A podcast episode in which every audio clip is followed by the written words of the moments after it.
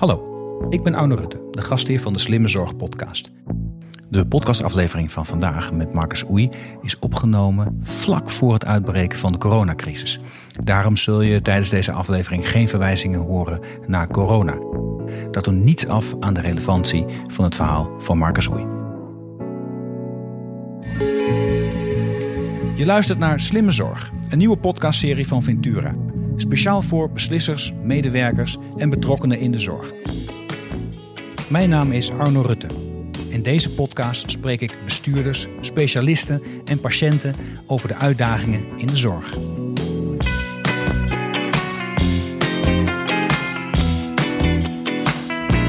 Sinds het overlijden van mijn broer en mijn vader aan kanker zet ik mij iedere dag in om goede gezondheidszorg voor iedereen te waarborgen. Zo was ik onder andere zeven jaar woordvoerder gezondheidszorg in de Tweede Kamer.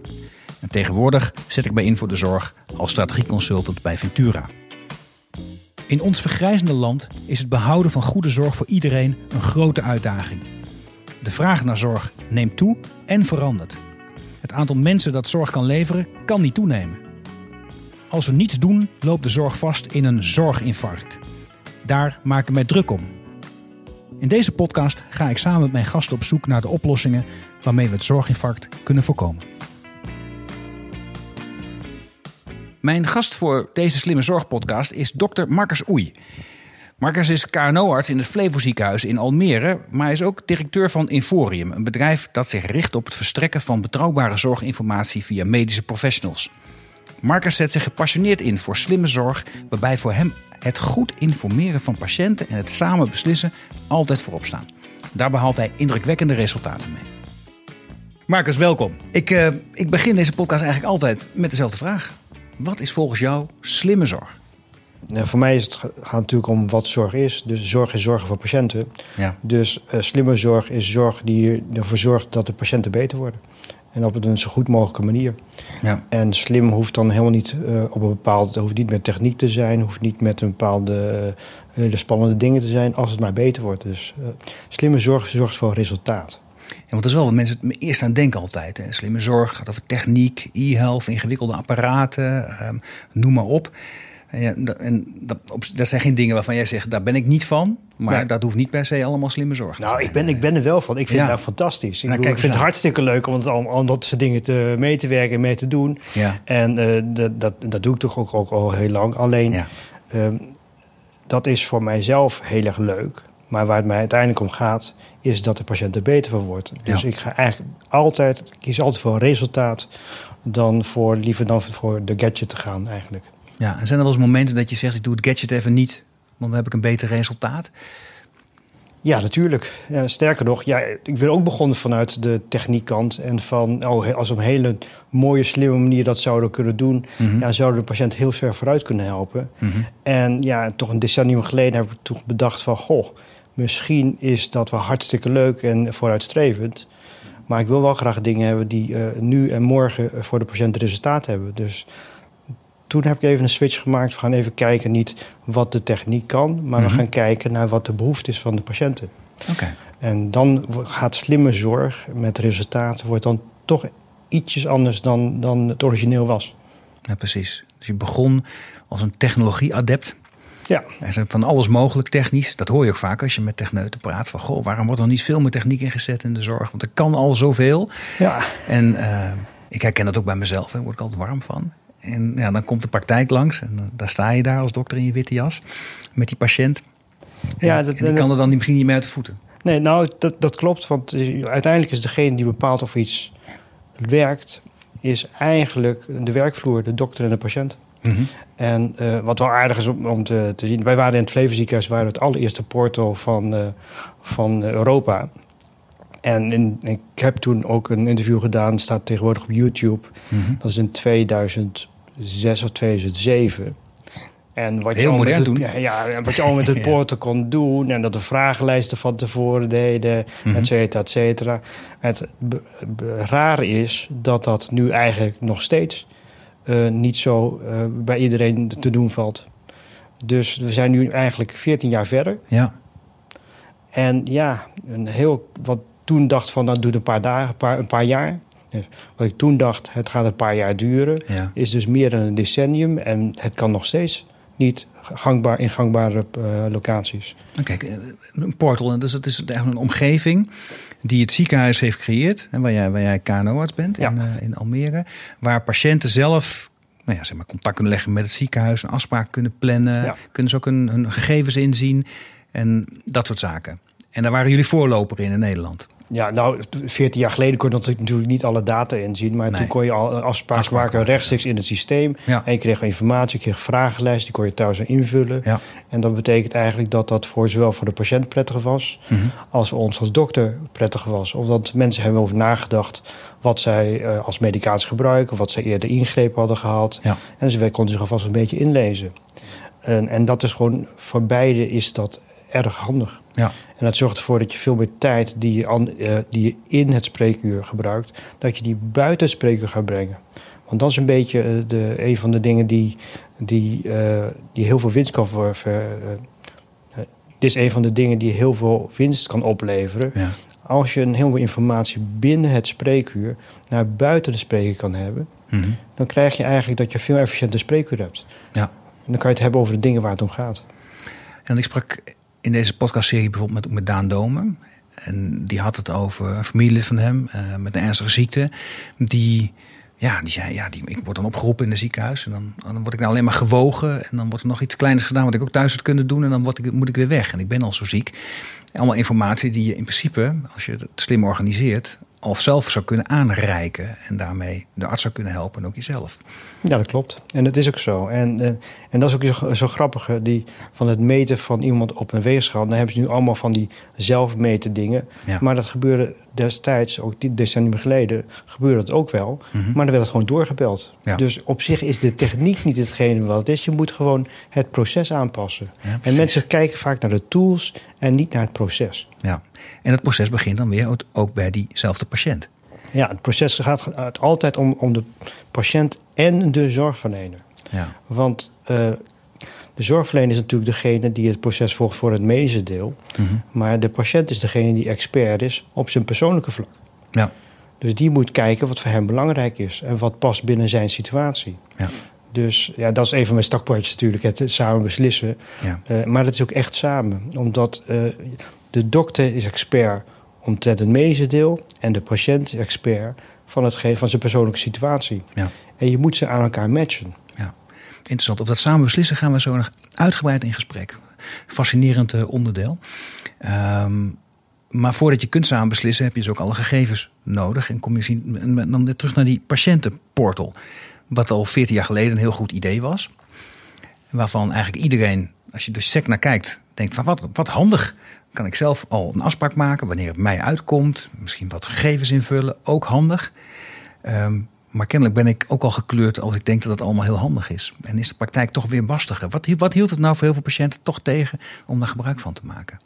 Nou, bij ons was het in de KNO-poli echt in het begin een ontzettend succes. Binnen een paar maanden kwamen 30% van de afspraken werden via het portal gemaakt. Oké, dus, dus die patiënten waren voor een heel groot deel wel Ja, enthousiast. Dat is 2006, hè? dus we hebben het Ja. over 14 jaar geleden. Ja. En helaas kregen we toen plotseling eh, de Big Brother Award omdat men toen vond dat het niet veilig genoeg was. Daar ben ik Ah, het nog steeds niet mee eens, want het was wel veilig genoeg. Mhm. Maar toen werd een identiteitscontrole bijgezet. Ja, en dat werd zo ingewikkeld dat eh, men, dat zakte gewoon meteen onder de 10%. En dat is wel een probleem. En dat is heel lang, heeft heel lang geduurd voordat we hem hoog konden krijgen. Ja, precies. Je had een situatie gecreëerd die eigenlijk heel goed paste bij de behoeften van patiënten. Die ook laagdrempelig was en makkelijk. Maar er kwam een ander belang langs, namelijk het algemeen het privacybelang.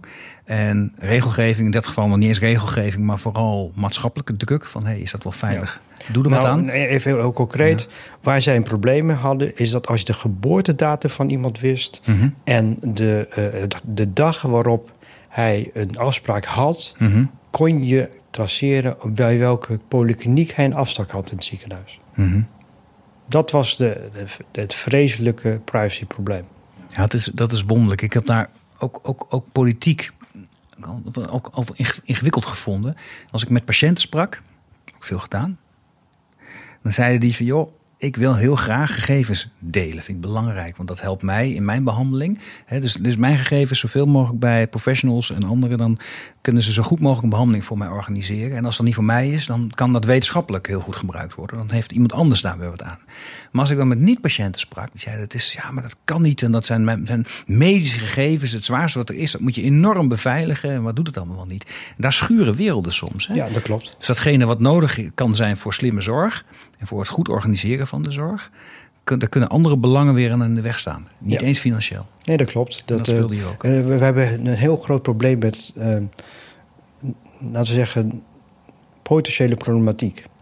Dus problemen die je zou kunnen verzinnen, maar die eigenlijk in de praktijk nauwelijks voorkomen. Mm En we maken alles dermate moeilijk daardoor dat ook de gebruiksvriendelijkheid omlaag gaat, maar dat je dan ook je resultaten niet goed krijgt. Ja. Overigens, wat je nu hebt, hebt het over gegevens. Maar het gaat eigenlijk niet over gegevens. Hè. Het gaat over informatie. Mensen hebben informatie nodig, niet gegevens nodig. Informatie mhm. is opgebouwd uit wel gegevens, maar ook context. Gegevens zonder context, eh, dat, dat, daar, daar, heb je niet zo ontzettend veel aan. Mhm. En wat je in de spreekkamer merkt, is gewoon dat het niet zozeer de gegevens zijn die, die belangrijk zijn, maar voornamelijk de, de context waar, waar we het over hebben. Ja. En dat is wel een heel groot verschil. Want we zijn nu allemaal heel erg geënt op gegevens, gegevens, gegevens. Ja, data, data, data. Data, data, data. Maar Mhm. eigenlijk hebben de patiënten gewoon nodig wat er met ze aan de hand is en wat er gaat gebeuren. En Ja. niet zozeer wat exact die labwaarde is of wat die uitslag van die foto is. Een uitslag van de foto is prima, alleen moet je daar ook context bij geven. Ja. En dat moet je eigenlijk al veel eerder in het proces blijven doen. Dus eh, de, de, de, eh, de, de fixatie op data is natuurlijk hartstikke goed dat het gebeurt. Ja. Maar data zonder context is van een hele beperkte waarde. Ja, en het kan er zelfs als domme zorg zijn, want dan sla je door in het Ja. analyseren van data. Dat is even voor, voor, even voor patiënten gezien. Kijk, als dokter ben ik dol op data. Hè? Ja, dat is Want meer je wetenschappelijke inza, je Nee, wetenschappelijke nee, dat, gevoel, komt, of- dat komt omdat wij dokters, we zijn altijd vragen om data, data, data, omdat wij de context al hebben. Dus wij hebben die context niet nodig, want Ja, die ja. kennen wij. Ja. Dus voor ons is hetgene wat wij graag willen hebben, is data. Mhm. Dat, voor een patiënt is dat totaal anders. Mhm. Want die hebben eerst de context nodig en dan kan je naar de data bij doen om te zorgen dat er wat mee kunnen. Maar als je alleen data geeft, en dat is hetgene wat nu voornamelijk gebeurt, Ja. ja, dan kunnen ze daar relatief weinig bij.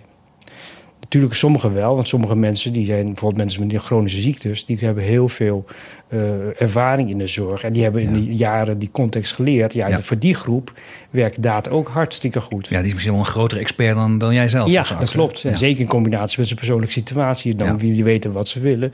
Maar dat te zorgen dat ze dus daarvoor een stuk eh, beter geoutilleerd zijn om data te kunnen interpreteren. Ja. Maar als je kijkt wat in de spreekkamer gebeurt, is voornamelijk dat je het hebt wel eventjes over data wat de uitslagen zijn. Maar het allergrootste deel van je consult gaat over wat het betekent, wat we gaan doen en wat de mogelijkheden zijn. Ja, en dat is niet iets wat je uit uit de data haalt.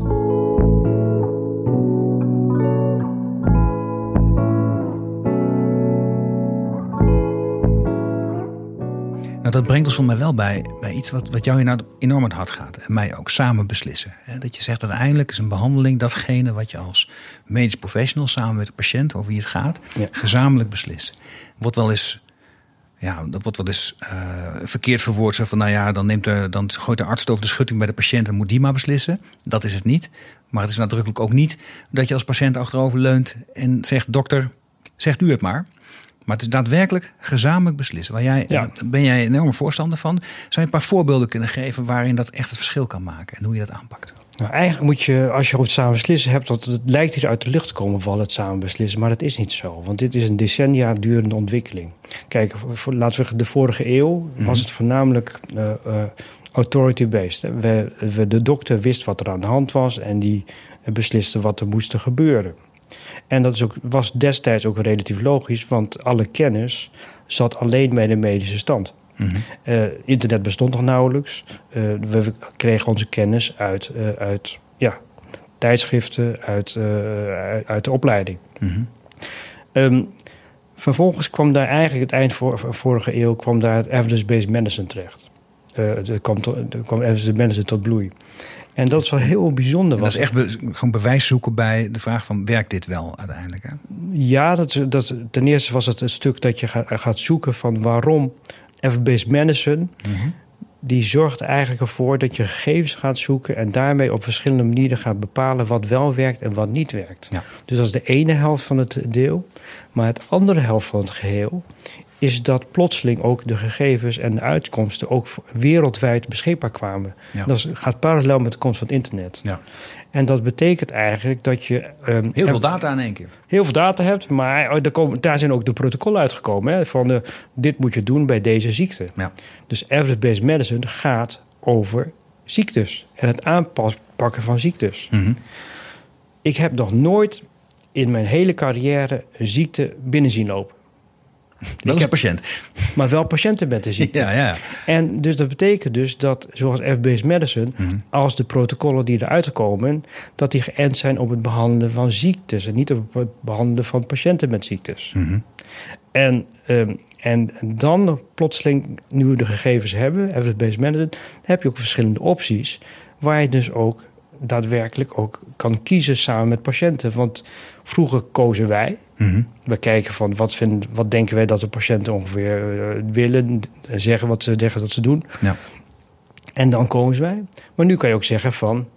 Nou, we hebben eigenlijk alle gegevens en al de mogelijkheden op een rij. Zullen wij die gegevens ook niet gewoon aan de patiënten geven? Dan kunnen zij zelf ook kijken wat voor hun het belangrijkste is. Maar dan, ga, dan moet je ook daar meteen ook context bij geven. Juist. Dat dus je patiënt niet met data moet overstellen. Dus het gaat ook niet om data. Je moet gaan vertellen van wat de verschillende mogelijkheden zijn en wat de consequenties zijn. Mm Dat is de ene kant van samen beslissen. En dat is inderdaad wat je net zei van uh, het geven van een keuzeinformatie. Mhm. en, en, en, en, voor de rest niks. Ja, dat noem je inderdaad over de schutting gooien. Ja. Want je hebt ook als taak, als, uh, als dokter, om ook te luisteren wat belangrijk is voor de patiënt. En dat is per persoon is dat anders. Ja, en dan kun je ook helpen kiezen. En dan kan je ook helpen kiezen en de, de specifieke vragen beantwoorden. Mhm. En dan kan je pas eigenlijk de beslissing nemen. Dus uh, samen beslissen is een proces. En het is dus niet het samen, een, een, gesprek, ook niet een lang gesprek, want je moet erover na kunnen denken als patiënt mhm. met je omgeving. Mhm. En je moet bekijken wat voor jou belangrijk is. Dus het samen beslissen gesprek bestaat niet. Samen beslissen is altijd een proces waarbij meer gesprekken zitten en ook een stuk denktijd is. Dus je stuurt iemand ook eerst weer weg met informatie. Ja, en ook niet wat vaak gebeurt van... Uh, kijk, dit zijn de vier verschillende opties. Mm Ga er naar huis toe en erover nadenken. Want op het moment dat ze de deur uit zijn... ja, dan zijn ze de helft weer kwijt. Waar moeten ze dan over nadenken? Ja. Dus je moet ze dus wel het proces aanpassen... dat je van tevoren informatie geven wat eigenlijk gaande is. Eigenlijk vanaf de eerste keer dat ze bijkomen. Mm Vervolgens ga je de opties leggen en je vraagt wat er belangrijk voor ze is. En, uh, en dat ze erover nadenken. Nou, dat je natuurlijk alle voor's en tegens uitgelegd hebt. Dan geven ze met herhaalbare informatie, digitaal, papier, whatever. Dan gaan ze nadenken en vertellen de volgende keer wat er belangrijk voor ze is. Dan ga je de uh, vragen dan ook weer beantwoorden. Ja. En dan ga je beslissen. Oké. Klinkt als intensief en tijdrovend. Maar ik kan me ook voorstellen dat dit juist een vorm is van slimme zorg. Omdat je uiteindelijk komt tot de, tot de behandeling die past bij die patiënt. Ja. Een, heel, een, een heel concreet voorbeeld. Hè. Mm Ik als KNO-arts heb natuurlijk te maken met de keuze voor buisjes plaatsen of niet. Nou, daar heb je voor- en nadelen, eh, van. En heel veel mensen van zeggen van uh, de buisjesplaats is verouderd. Nee, dat is niet zo. Er zijn redenen om het wel en niet te doen. Oké, want ik ben nog een kind van de jaren zeventig. Bij mij in de klas had de helft van de kinderen ja. buisjes in Ja, dat was een beetje uh, ik over dan. Want uh, ja, ja. je hebt ook naar, want daarvoor krijg je ook een deel van de kinderen blijft een gat over in het trommelvlies. Ja, die moet je later weer opereren. Mhm. Maar als je gaat kijken waarom mensen wat willen, mhm. dan uh, als je dat uitvraagt dan zie je toch vaak dat er gebeurt van... goh, nou, waarom... we kunnen buizen plaatsen of niet plaatsen. En dan is je vraag, wat is voor jullie belangrijk? Dan blijkt er eigenlijk in het tweede gesprek... dat ze eigenlijk zich zorgen maken over de ontwikkeling van hun kind. In hm. spraak-taalontwikkeling en algemene ontwikkeling. Wat wel voor patiënten? Dat zijn jonge patiëntjes. Jonge voor, patiënten, kinderen. Wie, wie krijgen, wie krijgen buisjes in de oren? Dat zijn kinderen met oorontstekingen? Met oorontstekingen, gehoorverlies en dat soort dingen. Ja, oké. Maar als de angst erachter zit dat er... Um, een achterstand van ontwikkelingsvertraging of zit, mhm. Dan, kunnen we, dan hebben wij uit de gegevens, uit de data, de evidence-based medicine, zeggen van, nou, dat hebben we met duizenden kinderen uitgezocht. Mhm. Ja, en dat is niet zo. Oh, laat dan maar zitten. Dus dan voor sommigen laten zich daardoor al overtuigen van hoeft niet. Nou, niet overtuigen. Nee, mensen mogen keuzes maken. Ja, het, samen beslissen is niet overtuigen van mensen dat ze willen moeten doen wat ik vind dat ze moeten doen. Nee. Zij moeten de mogelijkheden krijgen om een keuze te kunnen maken door de, eh, door de argumenten die er zijn. En, maar wat in de praktijk dus gebeurt, Mhm. en dat is het grappige van het geheel, bij ons zijn 20, 30 procent minder ingrepen die gekozen worden door de patiënten. Ja. Alleen omdat ze de voor's en tegens eh, te, te horen krijgen. Dat ze ook weten wat ze wel en niet kunnen verwachten. Ja. En dan zorgt dat verandert het hele speelveld. En daarom komen we weer terug van kost het meer tijd? Mhm. Ja, het kost meer tijd in, in, deze, in de spreekkamer. Ja. Maar ook een heel groot deel buiten de spreekkamer vooral. Ja. Maar ja, als je de tijd meeneemt van als je een ingreep doet met de, de anesthesist, de operatiekamer, de kinderafdeling, et cetera, et cetera, et Ja, cetera. die worden minder belast als je dit die worden, doet. minder, die worden veel minder belast. Dus als je over het grote geheel kijkt, kan je er heel simpel over zijn. Wij zijn in, eh, bij KNHart in het Flevo ziekenhuis, zijn we op basis van de zorgverzekeraarcijfers, zijn we gewoon 20 à 30 procent goedkoper dan de rest van Nederland. En het grootste gedeelte van de kosten zit altijd in de mensen. Ja. Dus consequent gezien is als je minder in de kosten zit, pak je ook minder mensenstijd. Dus uiteindelijk zou je dus waarschijnlijk toch minder tijd erin stoppen. Dus uiteindelijk investeren in het, in het goede gesprek. In het delen van informatie met de juiste context met patiënten. En dan komen tot daadwerkelijk samen beslissen. Ook als dat een keer een extra gesprek kost en een keer extra na- nadenken. Bespaart ontzettend veel zorg. Ja, en niet alleen dat. Want omdat we dit consequent doen, niet alleen bij keuzes, maar gewoon in het hele verhaal van, van het begeleiden van patiënten. Mhm. Wij zien ook in diezelfde cijf- cijfers van de zorgverzekeraars dat ze bij ons 10% minder vaak terugkomen. En waarom? A, ze hebben het goed uitgelegd gekregen wat er aan de hand is. Ja. B, ze weten wat de mogelijkheden zijn. En C, op het moment dat ze later toch weer wat vragen erover krijgen, hebben ze in hun mailbox nog steeds de informatie die we hadden. Ja. En dan kunnen ze gewoon ook een jaar later nog een keer doornemen. En zo, oh ja, zo zat dat. Dan hoef je die nog een keer te komen. Nee. Dus het is slimmere zorg. Mhm. Maar de slimheid zit niet in de zorg. De slimheid zit om de kennis die je hebt als medicus over te brengen naar patiënten. En Ja. dat is eigenlijk hetgene wat, waar ik steeds eh, zoveel mogelijk voor eh, zeg van dat moeten we gaan doen. Mhm. Wij moeten zorgen dat patiënten meer kennis krijgen. Om het keuzeproces te ondersteunen uiteindelijk. Ja, uiteindelijk wel, maar ook daarvoor al. Oké. Want op het moment dat jij meer weet, Mhm. ben- krijg je ook meer grip om, op je eigen gezondheid. Ja. En dan weet je ook eerder van, oh kijk, als ik dit ga doen, ja, dan, eh, eh, ja, dan moet ik misschien wel iets ondergaan. Nou, laat ik dan toch maar nou, wat meer bewegen, bij wijze van spreken. Ja, precies. Dus, dat, dus, dat, dus, dus die manier van informeren, heel actief informeren, informatie als, als kerncompetentie, het geven van informatie, als kerncompetentie van de arts, is, is ook, ook een manier om echt eens een keer wat te gaan doen op het gebied van preventie. Ja, En mensen denken bij, vaak bij preventie, dan moet, je- dan moet je van veraf proberen iemands leefstijl te beïnvloeden. Echt heel ingewikkeld. Maar een arts heeft vaak toch veel meer invloed op dat soort zaken, Ja. mits je daar maar mee bezig bent. ja we zijn bijvoorbeeld bij het roken, dat is heel grappig, vind ik er zelf wel. Ja. Ehm, eh, ik eh, heb een onderzoek gelezen waarbij ehm, eh, een rookprogramma, wat dan gegeven wordt, Mhm. heeft eigenlijk net zoveel succes als de dokter die zegt dat je moet stoppen met roken. Dus, dus, dus dat die dokter het zegt, dat is al een enorme... is al een enorme is, is, eh, reden of voor mensen om een beetje te gaan stoppen, om hun poging tot stoppen te gaan doen. Ja. Dus tegenwoordig, wij krijgen van tevoren krijgen wij vragenlijsten binnen. En als een patiënt binnenkomt en die krijgt, en daar staat op de vragenlijst, hij rookt 20 sigaretten, 20 sigaretten per dag. Ja. Dan zeg ik van, oh, eh, u rookt. Wilt u eh, stoppen met roken? En Mhm. Ook als het niet relevant is voor de aandoening waarvoor als- iemand komt. eh. Nee, ook al, dan zeg je van, want ja, gewoon, als ik iemand kan laten stoppen, doe ik eigenlijk net winst. zoveel. Ja. Ja, is pure winst. Dan doe ik veel, Ja. ontzettend veel voor de gezondheid. Ja. Dus dan vraag je dat. En als ze zeggen van, ja, ik wil stoppen, dan doe ik klik. En dan krijgen ze een mailbox van thuis, ik wil stoppen met roken. Mhm. En als ze zeggen van, nou, weet ik niet. of- Dan zeg ik klik. en ze krijgen in de mailbox, ik wil misschien stoppen met roken. Ja, dus Dus ik, ze krijgen altijd iets over stop met roken bijna. ze Of krijgen altijd wat over stop met roken als je rookt. Ik zeg het En ze krijgen het. Maar dat zorgt ervoor dat Ja, je. er zijn weinig mensen die zeggen, nou, ik denk er niet over. Hè. Bijna elke roker die met Nee. een spreekt, zegt nou, Daarom. ook, als hij niet wil stoppen, zegt hij misschien. Je mag mensen ook best wel helpen in het maken van goede keuzes. Ja. Nudging heet dat mooi in het, eh, in het Amerikaanse. Ja. Ja, en dat, dat soort dingen mo- moeten wij ook kunnen doen. Ja. En dat, ik denk dat dat goed is. Want we, zijn, we worden steeds meer ook een, eh, eh, niet alleen een, iemand die bepaalt wat er moet gebeuren, maar ook steeds meer een begeleider. Mhm. Nou, als begeleider moet je ook eh, het lef kunnen hebben om te zeggen van... goh, dit is misschien wel heel handig om te gaan doen. Maar kun je daar ook jouw collega's in het ziekenhuis mee inspireren? Zijn er meer? Ja, ja, nee, die, die zeggen stop met roken is heel Ja? veel. Bij de longartsen zijn ze ook heel, het Ja, maar die zijn, die zijn ook echt van, hè, longartsen, dat is Ja. logisch. Maar ook andere artsen, dat, je, dat die, als iemand een poli krijgen, iemand bijvoorbeeld een, een orthopeed, dat ze dan ook die vraag stellen, stop met roken? Of heb je Ja, ze daar dat- nog niet toe kunnen inspireren? Iedereen moet dat eigenlijk dus moet zo'n beslissing zelf gaan maken. Hè? Want ook oké. daarvoor geldt, eh, eh, daar gaan we toch weer een beetje terug ook samen beslissen weer.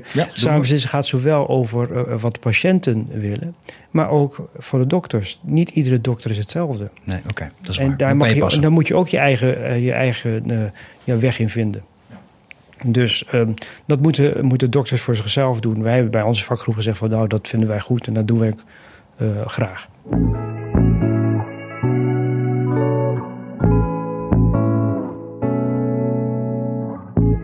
Nou weet ik, je bent, je bent een, een, een bezige bij met een veel brede interesse voor gezondheidszorg. Met KNO-arts, maar jouw interesse reikt veel verder.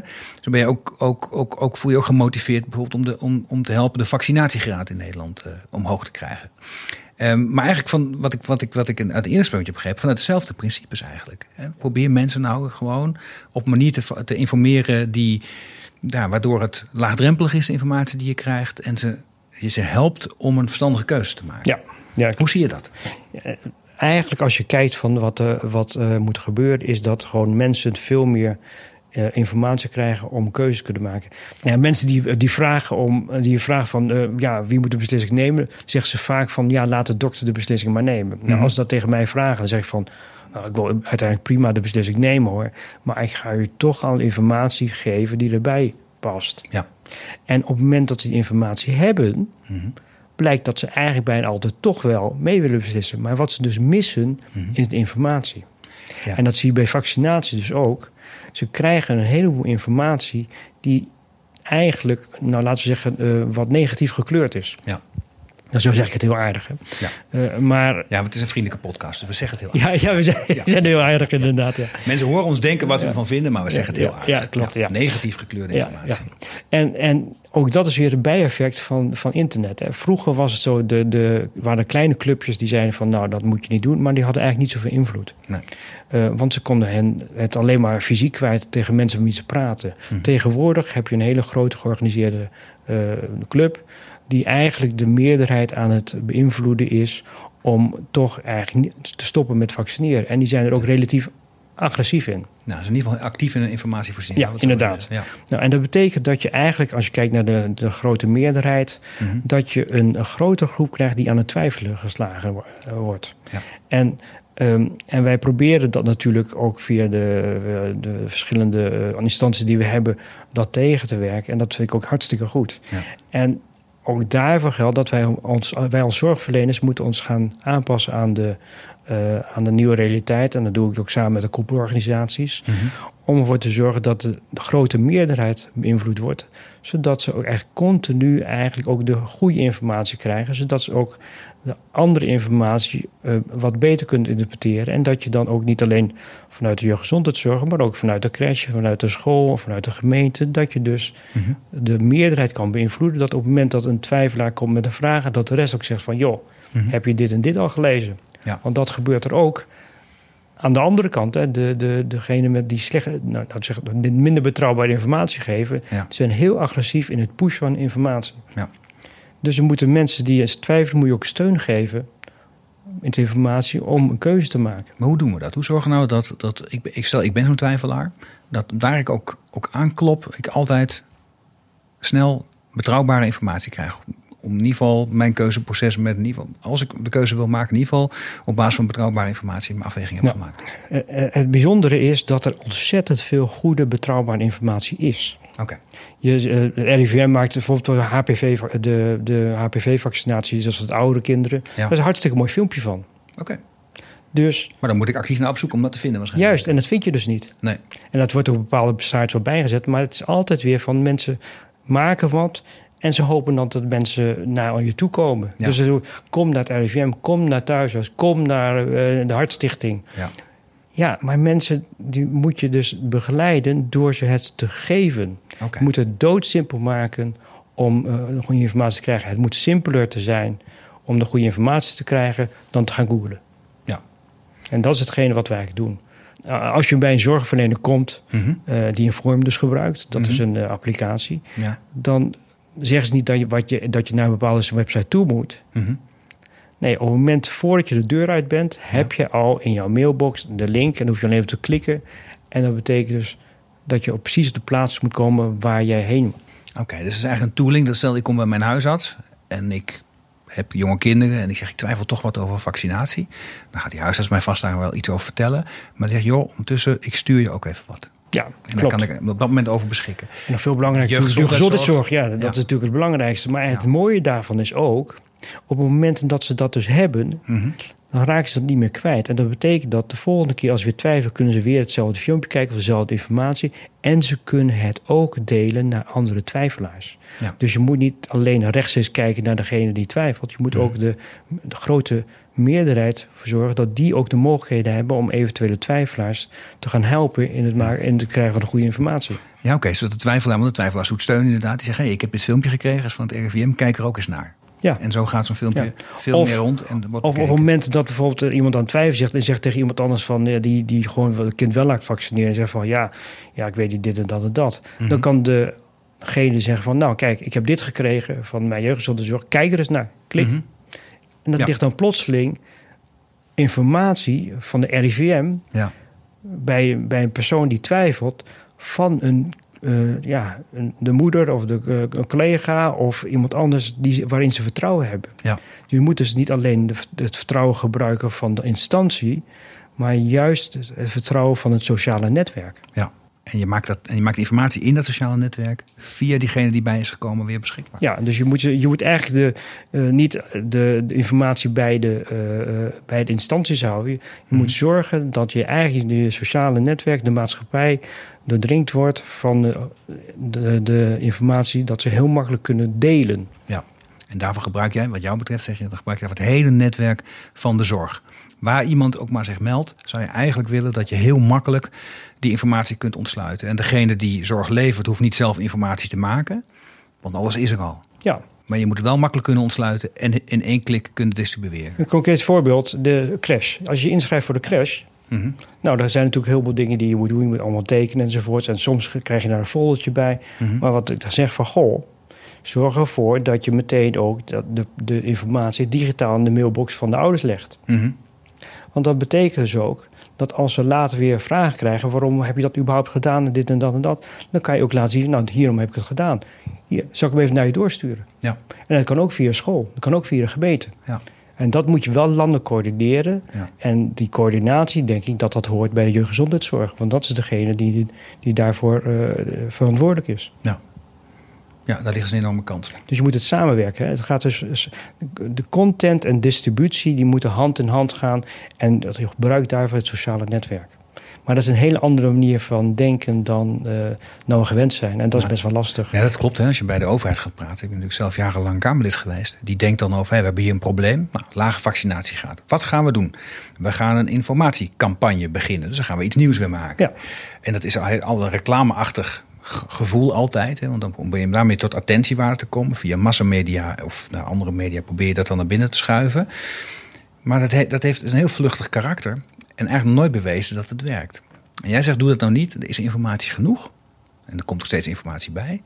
Maar maak gebruik van die contactmomenten die er zijn. En ga, zorg dan dat de informatie bij iemand komt. Ja, wij, moeten, wij, wij moeten meer vertrouwen hebben in onze maatschappij in dat opzicht en in de mensen. Want, eh, want wij, wij hoeven dat niet rechtstreeks te doen. Wij moeten ook vertrouwen dat mensen goede bedoelingen hebben. Dat de zorgverleners dus ook daarin helpen. Ja. Dat eh, ja, de buurvrouw ook goede bedoeling heeft om de buurvrouw verder te helpen. Ja. Dus het vertrouwen dat wij dat niet al- alleen hoeven te doen. hebben we als dokter natuurlijk ook ontzettend handje van. En wij gaan mensen beter maken. Je bent een team expert. Ja, en, maar vroeger hadden we dat veel meer. Maar nu hebben we steeds meer van... Goh, nee, we moeten dit samen gaan doen. We moeten dat netwerk gewoon gebruiken. Ja. En daar wordt de zorg beter van, uiteindelijk. Beter van, goedkoper van en efficiënter. Ja. En slimmer natuurlijk. We gingen om slimme zorg. Het ging over slimme zorg, ja. En het voorkomen van een zorginfarct. Dus, dus slim organiseren van zorg is daarin cruciaal.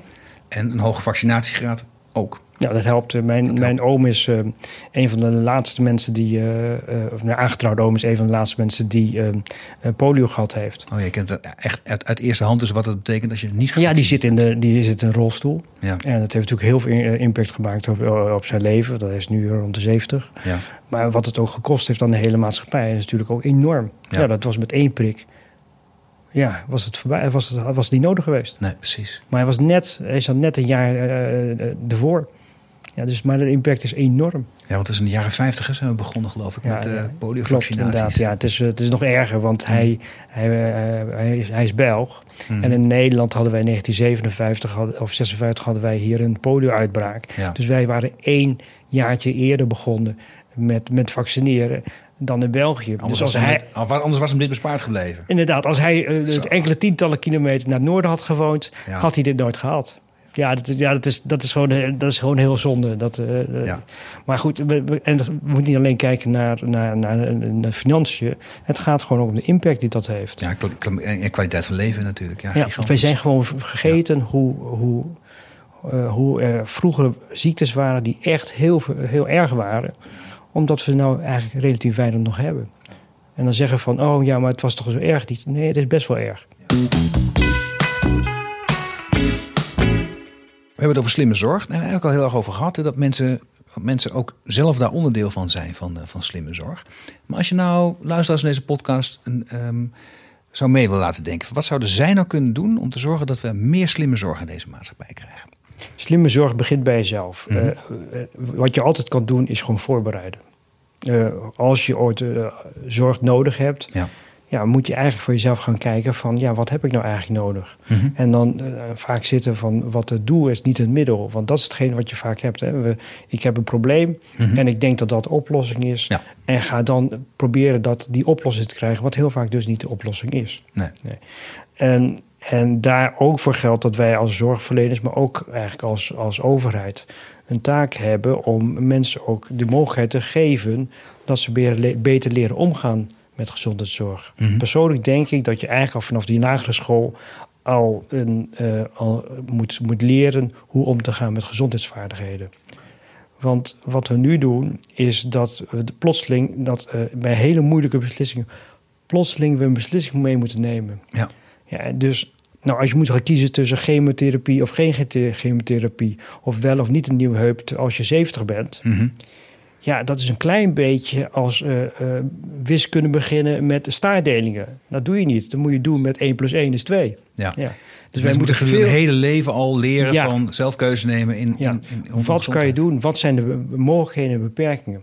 Ja. De, wat wij, heel, wij zijn heel erg veel bezig met zoveel mogelijk zorgen om um, zorg zoveel mogelijk, uh, zo efficiënt mogelijk te, te doen.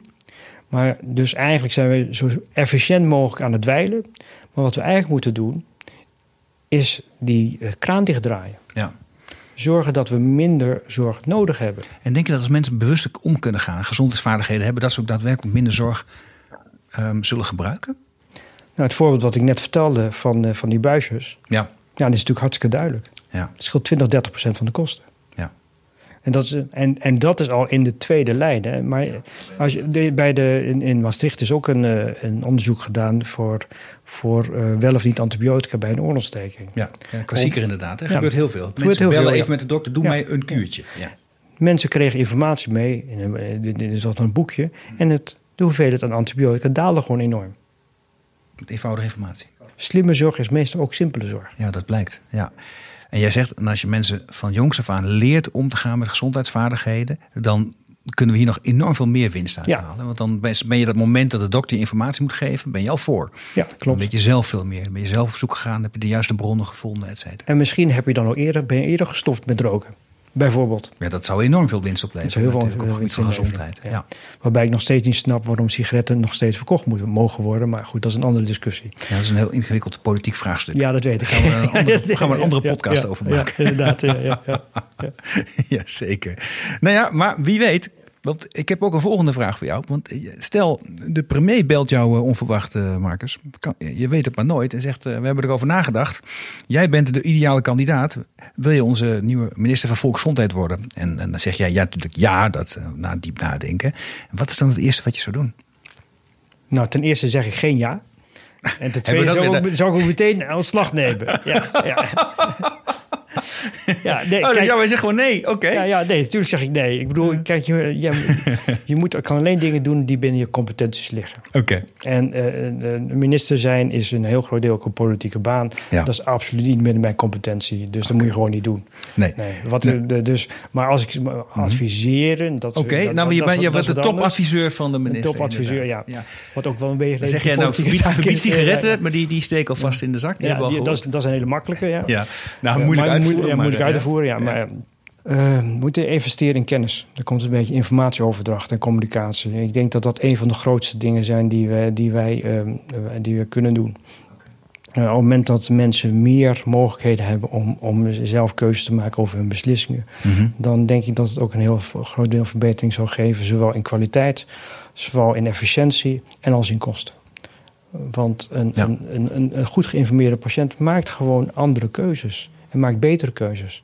Het is wel interessant, hè, want er wordt politiek steeds meer gesproken over samen beslissen. Het thema staat ook wel. Ik, er staat ook inmiddels in de wet hè, dat als je, een patiënt ziet, dan moet je hem ook informeren en, en daarmee aan de slag. Maar het is nog wel heel erg instrumenteel. Dat je zegt, nou, ik maak een kader, het moet gebeuren.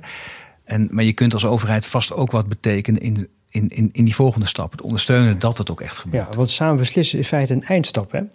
Want eh, je hebt eerst heel traject gelopen voor je uiteindelijk bij een, bij een, een keuzemoment komt. Ja. Maar je, het gaat dus niet alleen om het laatste stukje, het gaat juist om het stuk daarvoor.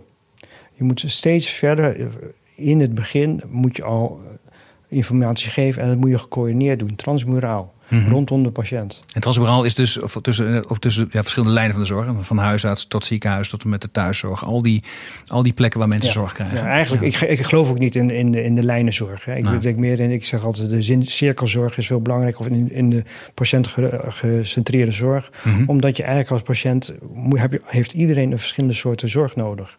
En sommige delen kunnen van de eerste lijn komen, van de nulde lijn, van de tweede lijn komen. Ja. En dat moet je dus rondom die patiënt gaan organiseren. En dat betekent dus dat je je samenwerkingsmogelijkheden moet veranderen. Mhm. De, de, de standaard gaan van de nul naar de eerste en de tweede lijn en weer terug.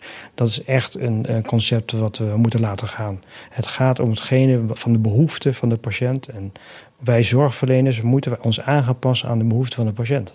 Ja. En dus onze structuur moeten wij ook gaan aanpassen aan de behoeften van de patiënt. En dat betekent wel een hele grote verandering, die inderdaad ook in het hele systeem nog niet zit. Nee, Maar dat is wel de kant waar wij uit moeten gaan. dat lijkt mij een heel goed onderwerp voor een volgend gesprek. Ja, Hoe we het systeem van de zorg zouden moeten veranderen om het nog beter te maken. Dankjewel. graag gedaan. Dit was aflevering 4 van Slimme Zorg. De podcast waarin nagedacht wordt over oplossingen waarmee een zorginfarct voorkomen kan worden. Een nieuwe podcastserie van Ventura. Abonneer je vooral op deze show via iTunes en Spotify of jouw favoriete podcast-app. En voel je vrij om een review achter te laten. Je helpt de podcast daar enorm mee en ik vind het zelf ook heel erg leuk om te lezen. Je mag mij ook mailen op podcast.ventura.com. Mijn naam is Arno Rutte. Dit was Slimme Zorg. Je hoort mij over twee weken weer in een nieuwe aflevering.